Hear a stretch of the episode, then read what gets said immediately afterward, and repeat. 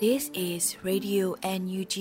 the voice of National Unity Government of Myanmar, broadcasting for Myanmar Spring Revolution. Radio NUG is transmitting from shortwave 16 meter 17.79 megahertz at 8:30 a.m. and 25 meter 11.94 megahertz at 8:30 p.m. Myanmar Standard Time. မင်္ဂလာပါရှင်။အမျိုးသားညီညွတ်ရေးအစိုးရရဲ့အတန်လွတ်ဌာန Radio NUG ကိုမန္တပိုင်း၈နိုင်ခွဲမှာလိုင်းတူ6မီတာ19.3ခွန်ကုန်းမဂါဟတ်စ်နဲ့ညပိုင်း၈နိုင်ခွဲမှာလိုင်းတူ25မီတာ17.3ကိုလီမဂါဟတ်စ်တို့မှာဓာတ်ရိုက်ဖမ်းယူနားဆင်နိုင်ပါပြီရှင်။မင်္ဂလာအပေါင်းနဲ့ပြည့်စုံကြပါစေ။အခုချိန်ကစပြီး Radio NUG စီစဉ်လေးကိုဓာတ်ရိုက်အတန်လွှင့်ပေးနေပါပြီ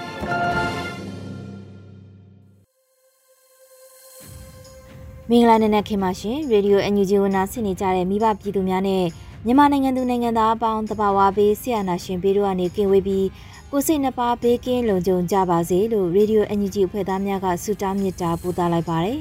အော်တိုဘာလ9ရက်နေ့ရေဒီယို NUG ရဲ့မနက်ခင်းအစီအစဉ်တွေကိုစတင်ထုတ်လွှင့်ပေးတော့မှာဖြစ်ပါတယ်ပထမအဆုံးအနေနဲ့ကာကွယ်ရေးဝန်ကြီးဌာနရဲ့စီးရေးသတင်းအချင်းချုပ်ကိုတော့ နှွေဦးအလင်ကမှဖတ်ကြားတင်ပြပေးတော့မှာဖြစ်ပါတယ်ရှင်။ကာကွယ်ဝင်ကြီးဌာနအမျိုးသားညီညွတ်ရေးဆိုရမှအောက်တိုဘာလ၄ရက်နေ့2023ခုနှစ်ထုတ်ဝေတဲ့စစ်ရေးသတင်းချင်းချုပ်ကိုတင်ဆက်ပေးတော့မှာဖြစ်ပါတယ်။ရန်သူတပ်သား22ဦးသေဆုံးပြီး15ဦးထိခိုက်ဒဏ်ရာရရှိခဲ့ကြောင်းသတင်းရရှိပါရခင်ဗျာ။အာနာသိန်းအကြံဖက်စစ်တပ်နဲ့တိုက်ပွဲဖြစ်ပွားမှုသတင်းတွေကိုတင်ဆက်ပေးကြပါမယ်။ စကိုင်းတိုင်းမှာအောက်တိုဘာလ3ရက်နေ့မနက်3နာရီခန့်မှာဘူးတလင်မြို့နယ်ဘူးတလင်မီတက်ယုံဘူးတလင်ကျေးရုံဘူးတလင်ရဲစခန်းတို့မှာယာယီအခြေပြုနေတဲ့ရန်သူတပ်နဲ့ရဲပူပေါင်းအင်အား80ခန့်ကိုဘူးတလင်မြို့နယ်ပါကာဖာမုံရခရိုင်တရင်73မုံရခရိုင်တရင်78လှုပ်ရှားတရင်ဘူးတလင်မြို့နယ်တိုက်နယ်98ရဲကြီးပါကာဖာမဟာ LDF ရဲမလူ LDF ပူပေါင်း60တို့ကလက်လုံ 80မမဘုံသီး38လုံးလက်လုံး60မမဘုံသီး15လုံးအသုံးပြု၍တိုက်ခိုက်ခဲ့ကြောင်းသတင်းရရှိပါရခင်ဗျာစက်တင်ဘာလ3ရက်နေ့နေ့လယ်2:20မိနစ်အချိန်ခန့်ကကောလင်းမြို့နယ်ကောလင်းမြို့မိရထားရက်ကွက်ရှိရန်သူတပ်နဲ့ရဲတို့ကိုဝင်းသူမြို့နယ်ပြည်သူ့ကာကွယ်ရဲဘော်များက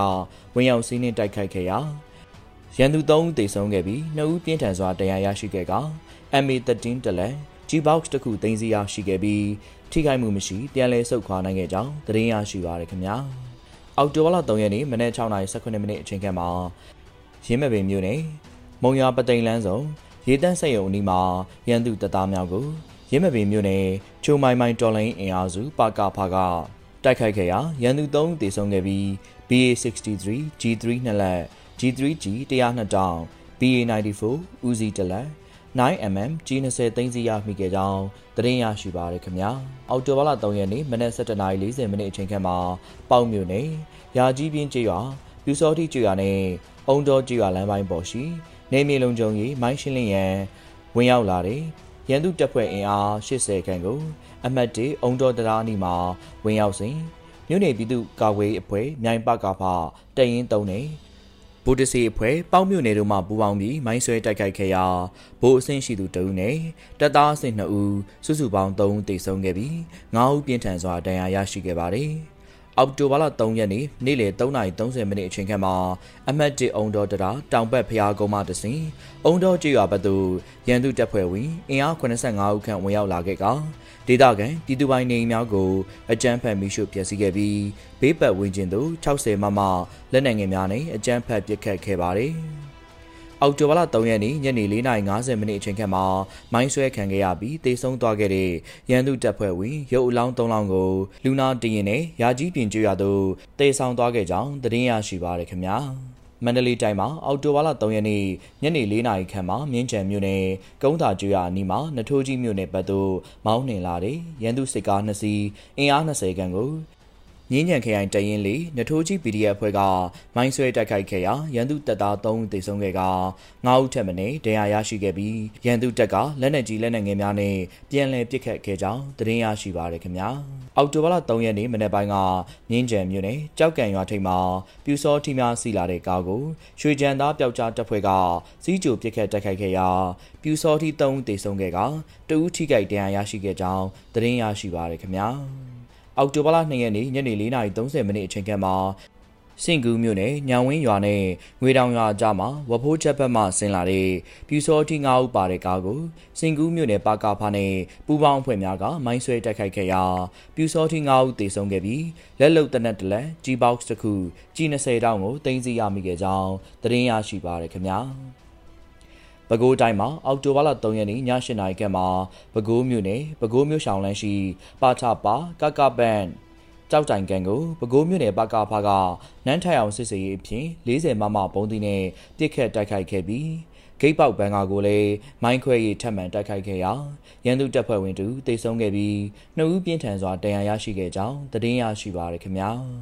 ဆက်လက်ပြီးအာနာသိန်းချက်ဖက်စစ်တပ်မှကျူးလွန်တဲ့ရာဇဝတ်မှုတွေကိုတင်ဆက်ပေးကြပါမယ် ကချင်ပြည်နယ်မှာအောက်တိုဘာလ3ရက်နေ့ညနေ6နာရီခန့်မှာဖားကန့်မြို့နယ်ဆိုင်းတောင်ကျေးရွာသို့ကိုအောင်ဖြိုးဆိုသူကအိမ်စည်းကားနဲ့ဘွန်ပရာကုန်းရက်ကွက်မှလာစဉ်လက်နက်ကင်ဆောင်ထားတဲ့လူတစုကစစ်ဆေးရန်ကားတားခဲ့ရာရမပေးတဲ့အတွက်ကြောင့်ပြစ်တက်ခံခဲ့ရကြောင်းသတင်းရရှိပါရခင်ဗျာကရင်ပြည်နယ်မှာအောက်တိုဘာလ3ရက်နေ့ည8နာရီခန့်မှာကော့ကရိတ်မြို့နယ်ခလာယာ69တက်မှာလက်နက်ကြီး3လုံးအား အမ်ဖာကြီးရွာဘက်သို့ပြစ်ခတ်ခဲ့ရာအရက်သားနေအိမ်ထိမှန်ခဲ့ပြီးအမျိုးသမီးတူတိခိုက်ခဲ့ကအရေးပေါ်စိတ်ယုံပို့ဆောင်ခဲ့ရကြောင်းသတင်းရရှိပါရခင်ဗျာမန္တလေးတိုင်းမှာအောက်တိုဘာလ3ရက်နေ့ည9:00နာရီခန့်မှာနထိုးကြီးမြို့နယ်အမှတ်လေးရက်ကွက်နေကဘာကျော်ကွန်းရဆိုင်မှာမတ်ဖြူကိုရန်သူတပ်သားများကဖမ်းဆီးခေါ်ဆောင်သွားခဲ့ကြောင်းသတင်းရရှိပါရခင်ဗျာအောက်တိုဘာလ2ရက်နေ့ည8:30မိနစ်အချိန်ခန့်မှာစင့်ကိုင်းမြို့နယ်စော်ရဲရွာနေ ဒေါ်ရင်မဲအသက်50နှစ်ကိုရန်သူတပ်သားများကဖမ်းဆီးခေါ်ဆောင်သွားခဲ့ကြောင်းသတင်းရရှိပါရခင်ဗျာယခုတင်ဆက်သွားတဲ့သတင်းတွေကိုမြေပြင်သတင်းတာဝန်ခံများနဲ့သတင်းဌာနတွေမှာဖော်ပြလာတဲ့အချက်လက်တွေပေါ်အခြေခံပြုစုထားခြင်းဖြစ်ပါတယ်ကျွန်တော်ကတော့ຫນွေဦးလင်ပါပါ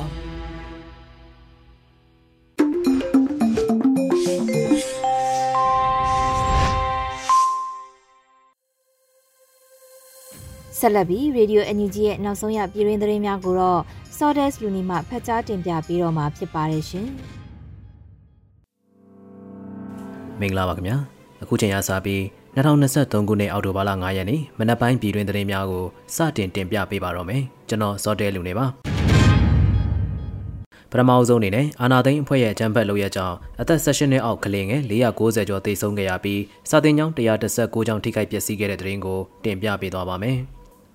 မင်းအောင်လှိုင်ဦးဆောင်တဲ့အကြမ်းဖက်စေအုပ်စုဟာအာဏာယူပြီးချိန်ကနေစပြီးလက်ရှိအချိန်ထိကျူးလွန်ခဲ့တဲ့အကြမ်းဖက်မှုလုပ်ရက်တွေကြောင့်တိတ်ဆုံးခဲ့ရတဲ့အသက်16နှစ်အောက်ကလေးငယ်အရေးအတွက်ဟာ492ဦးထိရှိလာပြီးစာတင်ကျောင်းပေါင်း139ကျောင်းထိခိုက်ပျက်စီးခဲ့ရပြီဖြစ်တယ်လို့အမျိုးသားညီညွတ်ရေးအစိုးရကထုတ်ပြန်လိုက်ပါတယ်။စကိုင်းတိုင်းကောလင်းခရိုင်နယ်ကဝန်းတုံမြို့နယ်ဂျိုးတောင်ရွာမရွာဘူတာစုရက်ကိုအကြမ်းဖက်စစ်တပ်တမခ33လက်အောက်ခံခမာယာ120ထိုင်တက်ကတိုက်ပွဲမရှိဘဲလက်နက်ကြီးတွေနဲ့ပစ်ခတ်ခဲ့တာကြောင့် ခန္ဒီဝန်သားရာမှအကြောင်းတိုက်ဘေးမှာရှိနေတဲ့ကြေးရွာအခြေပြုပြည်သူပညာရေးစာသင်ကျောင်းဝင်းနဲ့လက်နက်ကြီးတွေကြားရောက်ပောက်ကွဲခဲ့တာနဲ့ပတ်သက်လို့အသိပေးထုတ်ပြန်လိုက်တာဖြစ်ပါတယ်။ဒီတိုက်ခိုက်မှုကြောင့်စာသင်နေတဲ့ဆရာမတအူးနဲ့အသက်9နှစ်ကနေ14နှစ်အရွယ်ကြားရှိတဲ့ကလေးငယ်22ဦးလက်နက်ကြီးစာထိမှန်တရားရရှိခဲ့ပါတယ်။ဒါအပြင်အကြံဖတ်စေအုပ်စုဟာလေကြောင်းတိုက်ခိုက်မှုတွေအပြင်ဖျက်အားပြင်းတဲ့လက်နက်ကြီးတွေအုံပြုတိုက်ခိုက်တဲ့အကြိမ်ရေကလည်း2532ကြိမ်ရှိခဲ့တယ်လို့ဆိုထားပါတယ်။ ဒါဟာအာဆီယံအဖွဲ့ရဲ့ဘုံသဘောတူညီချက်၅ချက်ကမ္ဘာကုလသမဂ္ဂလုံခြုံရေးကောင်စီရဲ့မြမအရေးဆုံးဖြတ်ချက်အမှတ်2669တို့ကိုအကြံဖတ်စေအုပ်စုကလေးစားလိုက်နာမှုမရှိတာကိုပြသလိုက်တာလည်းဖြစ်ပါတယ်။ အကြံဖက်စစ်တပ်ဟာကလေးငယ်တွေကိုတပ်ဖြတ်ခြင်းထိခိုက်ဒဏ်ရာရစေခြင်းနဲ့စာတင်ကျောင်းတွေကိုပြစ်မှတ်ထားတိုက်ခိုက်ခြင်းဟာနိုင်ငံတကာလူ့ခွင့်ရေးနဲ့လူသားချင်းစာနာမှုဆိုင်ရာဥပဒေများနဲ့စာချုပ်စာတမ်းများအပြည်ပြည်ဆိုင်ရာနဲ့ဒေသဆိုင်ရာလူ့ခွင့်ရေးသဘောတူစာချုပ်များကလေးငယ်ခွင့်ရေးဆိုင်ရာသဘောတူစာချုပ်ဂျနီဗာသဘောတူစာချုပ် Rome Statute တို့ကိုဖောက်ဖျက်ကစစ်ရာဇဝတ်မှုနဲ့လူသားမျိုးနွယ်စုအပေါ်ရာဇဝတ်မှုများပြောင်ပြောင်တင်းတင်းကျူးလွန်နေတာကိုလည်းတွေ့မြင်ရတယ်လို့ NUG ရဲ့ထုတ်ပြန်ချက်မှာဖော်ပြထားပါတယ်။ အမျိုးသားညီညွတ်ရေးအစိုးရ NUG အနေနဲ့အဲ့ဒီကျူးလွန်မှုတွေမှာပါဝင်နေတဲ့တာဝန်ရှိသူကိုယ်တိုင်ကျူးလွန်သူတွေနဲ့အားပေးအားမြောက်ပြုသူအလုံးကိုပြည်တွင်းတရားစီရင်ရေးစနစ်ဖြင့်ဖမ်းဆီးအရေးယူပြစ်ဒဏ်ချမှတ်နိုင်ရင်ဆောင်ရွက်သွားမှာဖြစ်တယ်လို့ကမ္ဘာကူလာသမဂ္ဂအဖွဲ့ဝင်နိုင်ငံများအနေဖြင့်လုံခြုံရေးကောင်စီရဲ့မြန်မာရေးဆုံးဖြတ်ချက်266ကိုနောက်ဆက်တွဲအဖြစ်အကြမ်းဖက်စစ်အုပ်စုကိုပုံမှုထိရောက်တဲ့စီးပွားရေးပိတ်ဆို့မှုများလေရင်စီပါဝင်ဆက်လက်နက်များတင်ပို့ရောင်းချမှုများအားပိတ်ဆို့မှုတို့ပါဝင်သောဆုံးဖြတ်ချက်အသစ်တွေနဲ့အရေးယူဆောင်ရွက်မှုများထွက်ပေါ်လာအောင်ဝိုင်းဝန်းဆောင်ရွက်ပေးဖို့အချိန်ရောက်နေပြီလို့လည်းဆိုထားပါတယ်။ဒါကြောင့်အကြမ်းဖက်စစ်အုပ်စုကိုအရေးယူနိုင်မယ်နိုင်ငံတကာဒေသဆိုင်ရာနဲ့တနိုင်ငံချင်းတရားစွဲဆိုအရေးယူနိုင်ရေးအတွက်ကြိုးပမ်းလှုံ့ဆော်ကြဖို့ NUG ကတောင်းဆိုထားကြောင်းတင်ရရှိပါရခင်ဗျာ။ ဆက်လက်တင်ဆက်ပေးမှာကတော့နိုင်ငံရေးကဏ္ဍနဲ့ Federal Democracy နိုင်ငံတည်ဆောက်ရေးတို့မှာအမျိုးသမီးနဲ့လူငယ်တို့ပါဝင်မှုအခမ်းကဏ္ဍကိုမြင့်တင်နိုင်ရေး CRPH နဲ့ MWPR တို့ဆွေးနွေးတဲ့သတင်းပဲဖြစ်ပါတယ်။ပြည်ထောင်စုလွှတ်တော်ကိုစားပြုကော်မတီ CRPH အမျိုးသမီးလူငယ်နဲ့ကလေးငယ်ရေးရာကော်မတီနဲ့မြန်မာအမျိုးသမီးလွှတ်တော်ကိုယ်စားလှယ်များကွန်ရက် MWPR တို့တွေ့ဆုံဆွေးနွေးပွဲတရက်ကို Video Conference မှာတဆင့်ပြုလုပ်ခဲ့ကြတယ်လို့သိရှိရပါတယ်။ အော်တိုဘာလ3ရက်နေ့ကပြုလုပ်ခဲ့တဲ့၎င်းဆွေးနွေးပွဲမှာနိုင်ငံရေးကဏ္ဍနဲ့အနာဂတ် Federal Democracy နိုင်ငံတည်ဆောက်ရေးတို့မှာအမျိုးသမီးနဲ့လူငယ်တို့ပါဝင်မှုအခမ်းကဏ္ဍအားမြင့်တင်နိုင်ရေးပူးပေါင်းကောင်ထည်ဖော်ဆောင်ရွက်နိုင်ပြီးလုပ်ငန်းစဉ်များကိုဆွေးနွေးခဲ့ကြပါတယ်။အစည်းအဝေးသို့အမျိုးသမီးလူငယ်နဲ့ကလေးငယ်ရေးရာကော်မတီဥက္ကဋ္ဌတွင်မှုနှင့်အဖွဲ့ဝင်များမြန်မာမျိုးသမီးလွှတ်တော်ကိုယ်စားလှယ်များကွန်ရက်မှအဖွဲ့ဝင်များတက်ရောက်ခဲ့ကြတယ်လို့သိရှိရပါတယ်။ အစည်းအဝေးမှာကော်မတီအနေဖြင့်ကူညီလိုအပ်နေသည့်စစ်ပေးဆောင်အမျိုးသမီးလူငယ်များနဲ့ကလေးငယ်များကိုဝင်ဆောင်တဲ့နှုတ်တိုင်မိခင်များနိုင်ငံရေးအကျဉ်းသားများအားအမျိုးသားညီညွတ်ရေးဆိုရ၏ဝင်ကြီးဌာနများပြည်ထောင်စုလွှတ်တော်ကိုစားပြုကော်မတီရဲ့ရေးရာကော်မတီများပြင်ပဖွဲ့စည်းများပြည်တွင်းပြည်ပလှူရှင်များနဲ့ချိတ်ဆက်၍အကူအညီပေးအပ်နေမှုများကိုရှင်းလင်းတင်ပြခဲ့ပြီးတပ်ဆိုင်ရာဥပဒေ၊နည်းဥပဒေမူဝါဒများအပေါ်သုံးသပ်ဆွေးနွေးမှုများနဲ့ရှေ့လုပ်ငန်းစဉ်များကိုလည်းရှင်းလင်းတင်ပြခဲ့ပါတယ်။ ဆက်လက်ပြီးမြန်မာမျိုးသမီးလွှတ်တော်ကိုယ်စားလှယ်များကွန်ရက်မှဆောင်ရွက်ပြီးစီးခဲ့သည့်လုပ်ငန်းစဉ်9ရက်နဲ့ရှေ့ဆက်ဆောင်ရွက်ရန်ချမှတ်ထားသည့်လုပ်ငန်းစဉ်4ရက်တို့ကိုရှင်းလင်းတင်ပြခဲ့ကြပြီးစီဝေတက်ရောက်လာသူများကအမျိုးသမီးနဲ့လူငယ်များအတွက်ဖက်ဒရယ်အသိပညာပေးရေးဆိုင်ရာသင်တန်းများဆွေးနွေးပွဲများဖွင့်လှစ်နိုင်ရေးနဲ့ရှေ့ဆက်ပူးပေါင်းဆောင်ရွက်လိုသည့်လုပ်ငန်းစဉ်များအပြန်အလှန်ဆွေးနွေးခဲ့ကြကြောင်းတင်ရရှိပါရခင်ဗျာစောမြို့နယ်တွင်ចောင်းသားចောင်းသူများနဲ့ဆရာဆရာမများအား MOWICA မှစက်သားစံပြုတ်အာဟာရဒါနပြုတဲ့တရင်ကိုဆက်လက်တင်ပြပေးသွားပါမယ်။ အမျိုးသားညီညွတ်ရေးဆိုရာပညာရေးဝန်ကြီးဌာနအောက်ရှိမကွေးတိုင်းစောမြို့နယ်စာတင်ကျောင်းများမှာကျောင်းသားကျောင်းသူများနဲ့ကျောင်းတာဝန်ခံဆရာဆရာမများအမျိုးသမီးလူငယ်နှင့်ကလေးငယ်ရေးရာဝန်ကြီးဌာန MOWYCA မှာစက်သားစံပြုတ်အာဟာရဒါနပြုခဲ့တယ်လို့သိရှိရပါတယ်။ 2023ခုနှစ်အောက်တိုဘာလ2ရက်နေ့မှာပြုလုပ်ခဲ့တဲ့အဆိုပါဟာရဒါနပြုပွဲသို့စောမြို့နယ်လူသားချင်းစာနာတာဝန်ခံအမျိုးသမီးလူငယ်နဲ့ကလေးငယ်ရေးရာတာဝန်ခံနဲ့ရက်ကြီးတာဝန်ခံများမှလိုအပ်သည့်များကိုကူညီပံ့ပိုးပေးခဲ့ကြတယ်လို့ MOWYCA ရဲ့ထုတ်ပြန်ချက်မှာဖော်ပြထားကြောင်းတင်ပြရရှိပါရခင်ဗျာ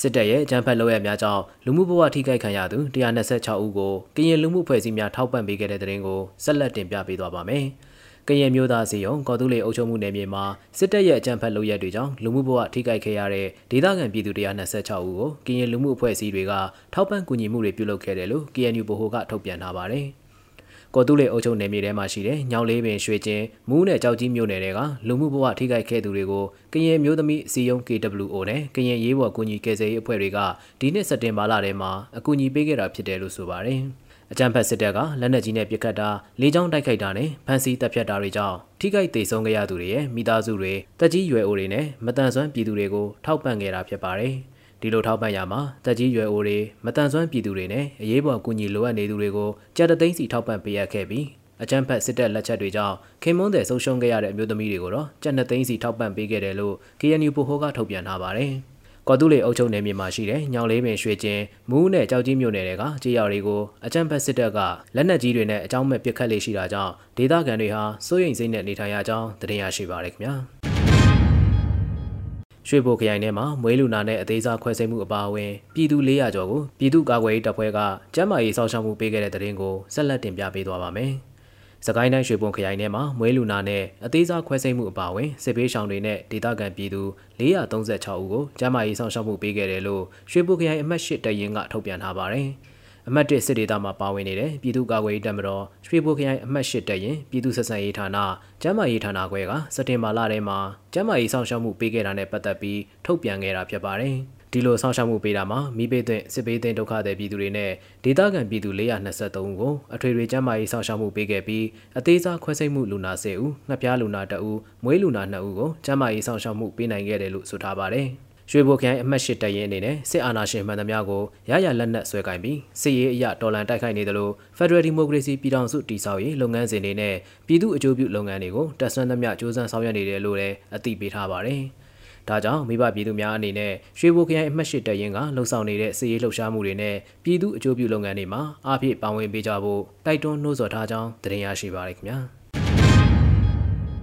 ဆက်လက်တင်ပြပေးမှာကတော့ Freedom House ရဲ့အင်တာနက်လွတ်လပ်ခွင့်ညွှန်ကိန်းမှာမြန်မာကဒုတိယအဆိုးဆုံးနိုင်ငံဖြစ်လာတဲ့တဲ့ရင်ပဲဖြစ်ပါတယ်။ စစ်တပ်အာဏာသိမ်းပြီးနောက်မြန်မာနိုင်ငံဟာကမ္ဘာပေါ်မှာအင်တာနက်လွတ်လပ်ခွင့်ဒုတိယအဆိုးဆုံးနိုင်ငံဖြစ်လာတယ်လို့ American ခြေစိုက် Freedom House ရဲ့အော်တိုဘာလ၄ရက်နေ့မှာထုတ်ပြန်ခဲ့တဲ့သုတေသနအစီရင်ခံစာမှာဖော်ပြထားကြပါတယ်။အင်တာနက်လွတ်လပ်ခွင့်ဖိနှိပ်မှုအဆိုးဆုံးနိုင်ငံကတရုတ်နိုင်ငံဖြစ်ပြီးမြန်မာနိုင်ငံကဒုတိယအဆိုးဆုံးဖြစ်တယ်လို့ Freedom House ရဲ့2023ခုနှစ်အစီရင်ခံစာအရသိရှိထားရပါတယ်။စစ်တပ်အာဏာမသိမ်းခင်ကမြန်မာနိုင်ငံရဲ့အင်တာနက်လွတ်လပ်ခွင့်အညွှန်းကိန်းဟာအဆင့်31ရှိနေခဲ့တာဖြစ်ပါတယ်။စစ်ကောင်စီအနေနဲ့၎င်းတို့ပေါ်ဆန့်ကျင်သူတွေနဲ့အာဏာဖီဆိုင်ရေးလှုပ်ရှားမှုတွေကိုဖိနှိပ်နိုင်ဖို့အင်တာနက်ပိတ်ပင်တာအပြင်စစ်သွေးကုမ္ပဏီကိုထိန်းချုပ်ဖို့လှုံ့ဆော်ခဲ့ပြီးအင်တာနက်သုံးစွဲသူတွေရဲ့ကိုရေးချက်လက်တွေကိုရယူဖို့အတင်းအကျပ်ဖိအားပေးတာကြားဖြတ်ထောက်လှမ်းခိုင်းတာတွေကိုလည်းအာဏာသိမ်းစစ်တပ်ကလှုံ့ဆော်ခဲ့ပါတယ်။စစ်သွေးကုမ္ပဏီတွေအပေါ်ဖိအားပေးတာတွေလှုံ့ဆော်ခဲ့တာကြောင့်တယ်လီနောနဲ့အော်ရီဒူလိုနိုင်ငံတကာစစ်သွေးကုမ္ပဏီတွေဟာ၎င်းတို့ရဲ့လုပ်ငန်းတွေကိုစစ်တပ်နဲ့နှီးစပ်တဲ့ကုမ္ပဏီတွေထံလက်လွှဲရောင်းချခဲ့ရပြီးမြန်မာနိုင်ငံကနေထွက်ခွာခဲ့ရတယ်လို့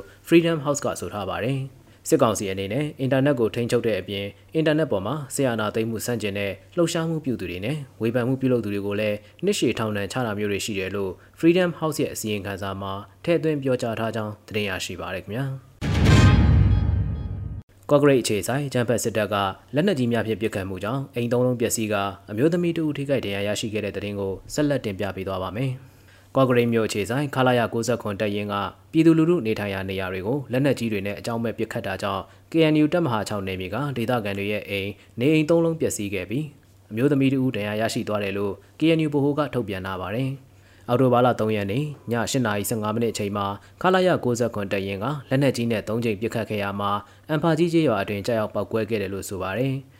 အဲ့ဒီလက်နက်ကြီးကြီးတွေကြောင့်အန်ဖာကြီးရွာကအသက်56နှစ်အရွယ်မျိုးသမီးတဦးရဲ့နေအိမ်ကိုထိမှန်ခဲ့ပြီးဝမ်းပိုက်မှာဒဏ်ရာရရှိခဲ့တယ်လို့သိရှိရပါတယ်။ဒါအပြင်အသက်55နှစ်အရွယ်မျိုးသားတဦးနဲ့အသက်60အရွယ်မျိုးသားတို့ရဲ့နေအိမ်တွေကိုလည်းလက်နက်ကြီးစထိမှန်ပျက်စီးခဲ့တာရှိတယ်လို့သိရပါတယ်။အော်တိုဘာလ2ရက်နေ့ည10နာရီခွဲလောက်ထဲကကြာရင်စိတ်ကြီးမြို့နယ်အခြေဆိုင်ခလာရ32တက်ကလက်နက်ကြီးတွေနဲ့ပစ်ခတ်ခဲ့တာကြောင့်အမတ်1ရက်ကွက်အောင်တေစာလမ်းမှာရှိတဲ့အိမ်နှလုံးလည်းပျက်စီးခဲ့ပါတယ်။ KNU တပ်မဟာ6နယ်မြေတွင်မှလှုပ်ရှားနေတဲ့အကြမ်းဖက်စစ်ကောင်စီတပ်တွေဟာအပြစ်မဲ့အရက်သားတွေကိုဖမ်းဆီးနှိပ်စက်တာစစ်ပေးရှောင်နေကြတဲ့ပြည်သူပိုင်နေအိမ်တွေကိုဝင်ရောက်မှွေနှောက်ဖျက်ဆီးပြီးပစ္စည်းတွေယူဆောင်သွားတာနဲ့ပြည်သူလူထုနေထိုင်ရာကြေးရွာတွေကိုရည်ရွယ်ချက်ရှိရှိနဲ့ပြစ်ခတ်တာကစတဲ့လူခွင့်ရေးဆိုင်ရာချိုးဖောက်မှုတွေနဲ့စစ်ရာဇဝတ်မှုတွေကိုနေ့စဉ်နဲ့အမျှကျူးလွန်နေတယ်လို့ဒူးပလာခရိုင်တရင်နဲ့ပြန်ကြားရေးကလည်းအတိပေးထုတ်ဖော်ထားကြောင်းတင်ရရှိပါရခင်ဗျာ။ နောက်ဆုံးအနေနဲ့ရင်းမပင်စလင်းကြီးနယ်စပ်မှာစစ်တပ်ရင်တန်းတိုက်ခိုက်ခံရပြီးနောက်ကျေးရွာများကိုရဟတ်ရင်ဖြင့်လာရောက်ပစ်ခတ်တဲ့တဲ့ရင်ကိုတင်ပြပေးသွားပါမယ်။စကိုင်းတိုင်းရင်းမပင်နဲ့စလင်းကြီးနယ်စပ်ဗိုက်တရက်ကျေးရွာအနီးမှာစစ်ကောင်စီရင်တန်းကိုတိုက်ခိုက်ခံရပြီးတဲ့နောက်စစ်တပ်ကကျေးရွာများကိုလေကြောင်းမှတိုက်ခိုက်ခဲ့တယ်လို့သိရှိရပါတယ်။အော်တိုဘာလ၄ရက်နေ့မနက်၈နာရီခန့်ကကား15စီးပါစစ်ကောင်စီရင်တန်းကိုဒေသကာကွယ်ရေးတပ်ဖွဲ့များကတိုက်ခိုက်ခဲ့ကြတာဖြစ်ပါတယ်။ မြေပြင်တိုက်ပွဲမှာအထိနာခဲ့တဲ့စစ်ကောင်စီတပ်ကနနက်10နာရီခန့်အချိန်မှာအနီးဝန်းကျင်ရှိကျေးရွာများကို MI35 ရဟတ်ယာဉ်ဖြင့်တနအီနီးပါးပစ်ခတ်ခဲ့တာဖြစ်ပြီးထိခိုက်ပျက်စီးမှုကိုမသိရသေးဘူးလို့ဒေသခံတအူးကပြောပါတယ်။လက်တလုံးမှာစစ်တပ်ကရဟတ်ယာဉ်ဖြင့်ပစ်ခတ်မှုနဲ့တိုက်ပွဲများကြောင့်ရင်းမာပင်နဲ့စလင်းကြီးမြို့နယ်နယ်ဆက်ရှိမတောင်းတာတဲစုလဲငေါရွှေသမင်နဲ့ဗိုက်တရက်ကျေးရွာမှာဒေသခံပြည်သူထောင်ထဲချီထွက်ပြေးတိမ်းရှောင်နေကြအကြောင်းသတင်းရရှိပါရခင်ဗျာ။ အခုတင်ပြခဲ့တဲ့သတင်းတွေကိုတော့ရေဒီယိုအန်ယူဂျီသတင်းတောက်ကိုခန့်နဲ့မင်းစစ်သွေးတို့ကပေးပို့ထားတာဖြစ်ပါတယ်။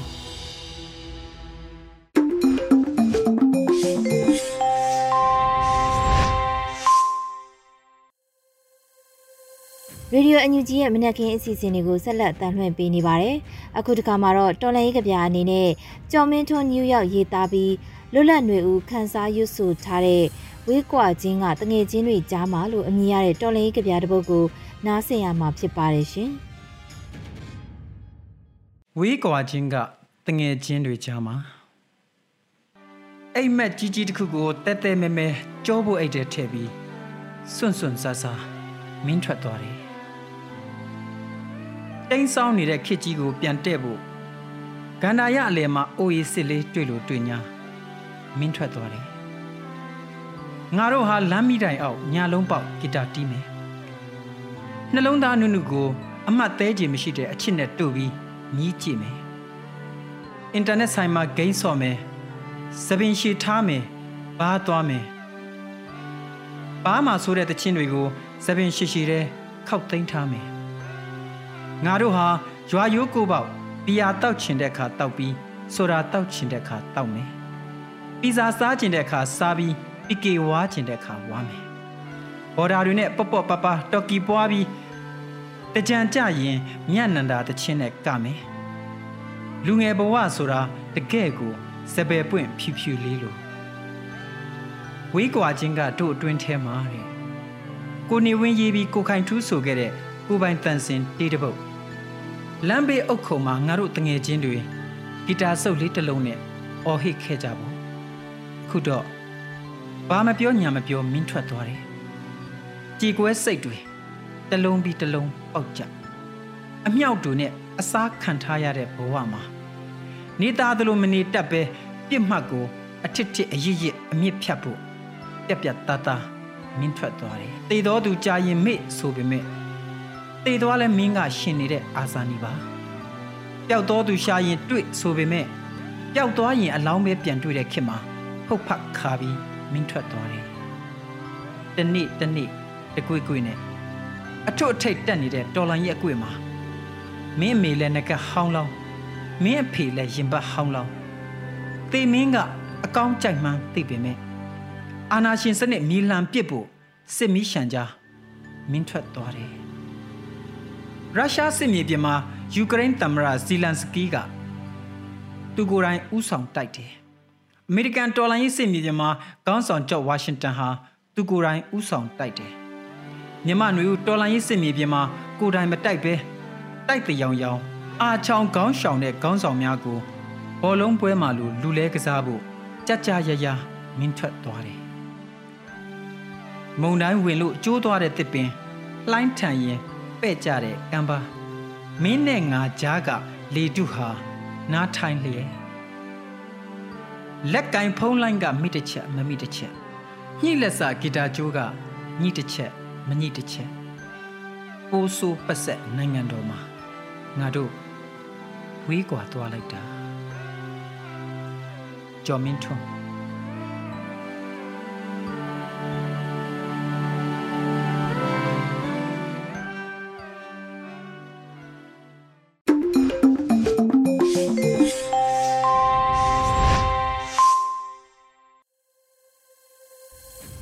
ကြီးမှဆက်လက်အသံလွှင့်ပေးနေပါတယ်။အခုတစ်ခါမှာတော့ PPTV ရဲ့နေ့စဉ်သတင်းများကိုနေကြီးမှဖတ်ကြားတင်ပြပေးတော့မှာဖြစ်ပါတယ်ရှင်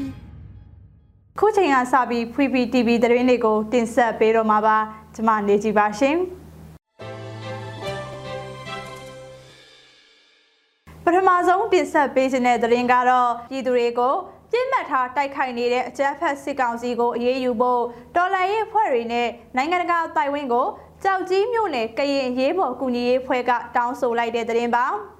အကြမ်းဖက်စစ်ကောင်စီတပ်ကပြည်သူလူထုအပေါ်ပြစ်မှတ်ထားအကြမ်းဖက်တိုက်ခိုက်နေမှုတွေကိုထိရောက်စွာအရေးယူဆောင်ရွက်မှုတွေပြုလုပ်ဖို့အတွက်တော်လှန်ရေးအဖွဲ့တွေနဲ့နိုင်ငံတကာတိုင်ဝင်းကိုကရင်မျိုးသားစီယုံ KNU လဲရိုကြောက်ကြီးမြို့နယ်ကရင်ရေးပေါ်ကူညီကယ်ဆယ်ရေးကော်မတီကကြေညာချက်ထုတ်ပြန်ပြီးတောင်းဆိုလိုက်ပါတယ်။ ထုတ်ပြန်ချက်ကိုစက်တင်ဘာ30ရက်စွဲနဲ့ထုတ်ပြန်လိုက်တာဖြစ်ပြီးအကြမ်းဖက်စစ်ကောင်စီတပ်ကလဲရိုကြောက်ကြီးမြို့နယ်အတွင်းမှာရှိတဲ့ပြည်သူတွေပေါ်လူခွေချိုးဖောက်မှုနဲ့ပတ်သက်ပြီးကော်မတီကအခုလိုထုတ်ပြန်တောင်းဆိုခဲ့တာပါထုတ်ပြန်ချက်ထဲမှာပြည်တွင်းပြည်ပမှာရှိနေတဲ့တိုင်းရင်းသားလူမျိုးနဲ့တကွပြည်သူလူထုများကိုကိုစားပြုတဲ့အရက်ဖက်ဖွဲ့စည်းများတော်လှန်ရေးဖွဲ့စည်းများနဲ့တကွနိုင်ငံတကာအစိုးရများနိုင်ငံတကာအဖွဲ့အစည်းများ လူခွေဆိုင်ရာအဖွဲ့အစည်းများကအကြမ်းဖက်စစ်ကောင်စီတပ်ရဲ့အကြမ်းဖက်လုပ်ရများရပ်တန့်စေရေးထိရောက်စွာအရေးယူဆောင်ရွက်ဖို့ကော်မတီကတောင်းဆိုလိုက်ပါတယ်။အကြမ်းဖက်စစ်ကောင်စီတပ်ရဲ့လက်နက်ကြီးပစ်ခတ်မှုမိုင်းထောင်မှုတွေကြောင့်ကြောက်ကြီးမြို့နယ်အတွင်းမှာအရက်သားပြည်သူလူထုများထိခိုက်ဒေဆုံးရတဲ့အခြေအနေတွေကိုလည်းဖော်ပြထားပါတယ်။အကြမ်းဖက်စစ်ကောင်စီရဲ့လက်နက်ကြီးပစ်ခတ်မှုအပါအဝင်အကြမ်းဖက်လုပ်ရက်တွေကြောင့်ကြောက်ကြီးမြို့နယ်မှာ စက်တင်ဘာလအတွင်းပြည်သူ2ဦးသေဆုံးက9ဦးထဏ်ရာရခဲ့တယ်လို့အတည်ပြုထားပါတယ်။ဖုံရီကျောင်းနဲ့လူမှုနေအိမ်ပျက်စီးမှုများလည်းရှိခဲ့တယ်လို့ဆိုပါတယ်။အကြမ်းဖက်စစ်ကောင်စီတပ်ကကျေးရွာတွေကိုပြစ်မှတ်ထားလက်နက်ကြီးပစ်ခတ်မှု86ကြိမ်ရှိခဲ့ကြောင်းအသိပေးထားပါတယ်။အကြမ်းဖက်စစ်ကောင်စီရဲ့ပြည်သူလူထုပေါ်ပြစ်မှတ်ထားအကြမ်းဖက်တိုက်ခိုက်နေမှုတွေကိုပြင်းထန်စွာကန့်ကွက်ရှုံချကြောင်း ကော်မတီကထုတ်ပြန်လိုက်ပါတယ်စစ်ဆောင်ပြည်သူများအားအကူအညီများပေးရဖို့နိုင်ငံတကာအဖွဲ့အစည်းများထံတောင်းဆိုထားပြီးလဲရိုကြောက်ကြီးမြို့နယ်ကရင်ရေးပေါ်ကူညီကယ်ဆယ်ရေးကော်မတီအနေနဲ့ပြည်သူနဲ့အတူရက်တီကပြည်သူရဲ့လိုလားချက်များကိုတွက်ဆန်းတရဆောင်ရွက်သွားမယ်လို့ထုတ်ပြန်ထားပါတယ်ကျေးဇူးတင်ပါတယ်ရှင်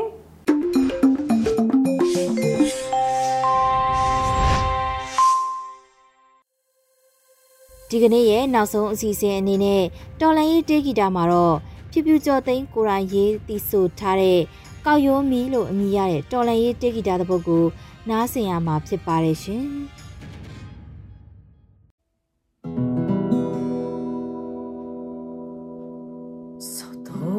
ကြရနွားတွေချွန်စိတ်တီးနေဖားတွေဘသူသေးသေး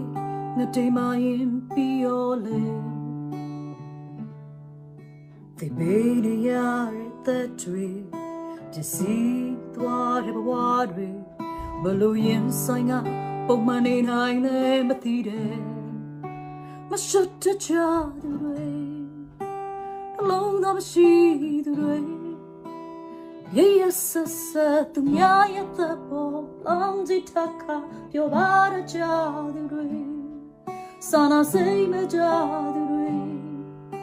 သူတွေရရဆဆသူများရဲ့သက်ပေါ်လောင်းစီထခါပြောပါရကြသူတွေစာနာစိတ်မကြသူတွေကိုကောင်းစိတ်ချီသူ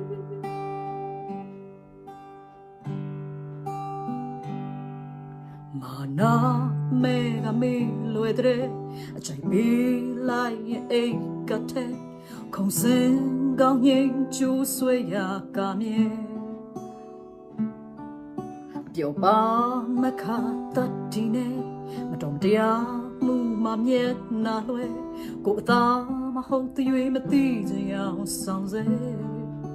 မရှတ်တကြသူတွေလောငါမရှိသူတွေ ရရဆဆသူများရဲ့သက်ပေါ်အောင်စီထခါပြောပါရကြသူတွေစာနာစိတ်မဲ့ကြသူတွေတကောကောင်းစိတ်ချီသူတွေအတားကြီးတဲ့ကောက်ရိုးမိဖြစ်ခါကိုကလွယ်ရင်ဘာမှမမှုသူတွေနင်တို့တွေငါတို့တွေ နင်တို့တွေ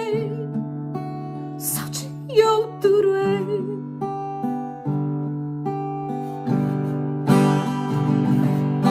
ကိုစင်ပြမဲဆိုအကုန်ချနေရတဲ့ကိုနေတာမဲဆိုဘယ်ရမဆိုဖြစ်စီဝန်တဲ့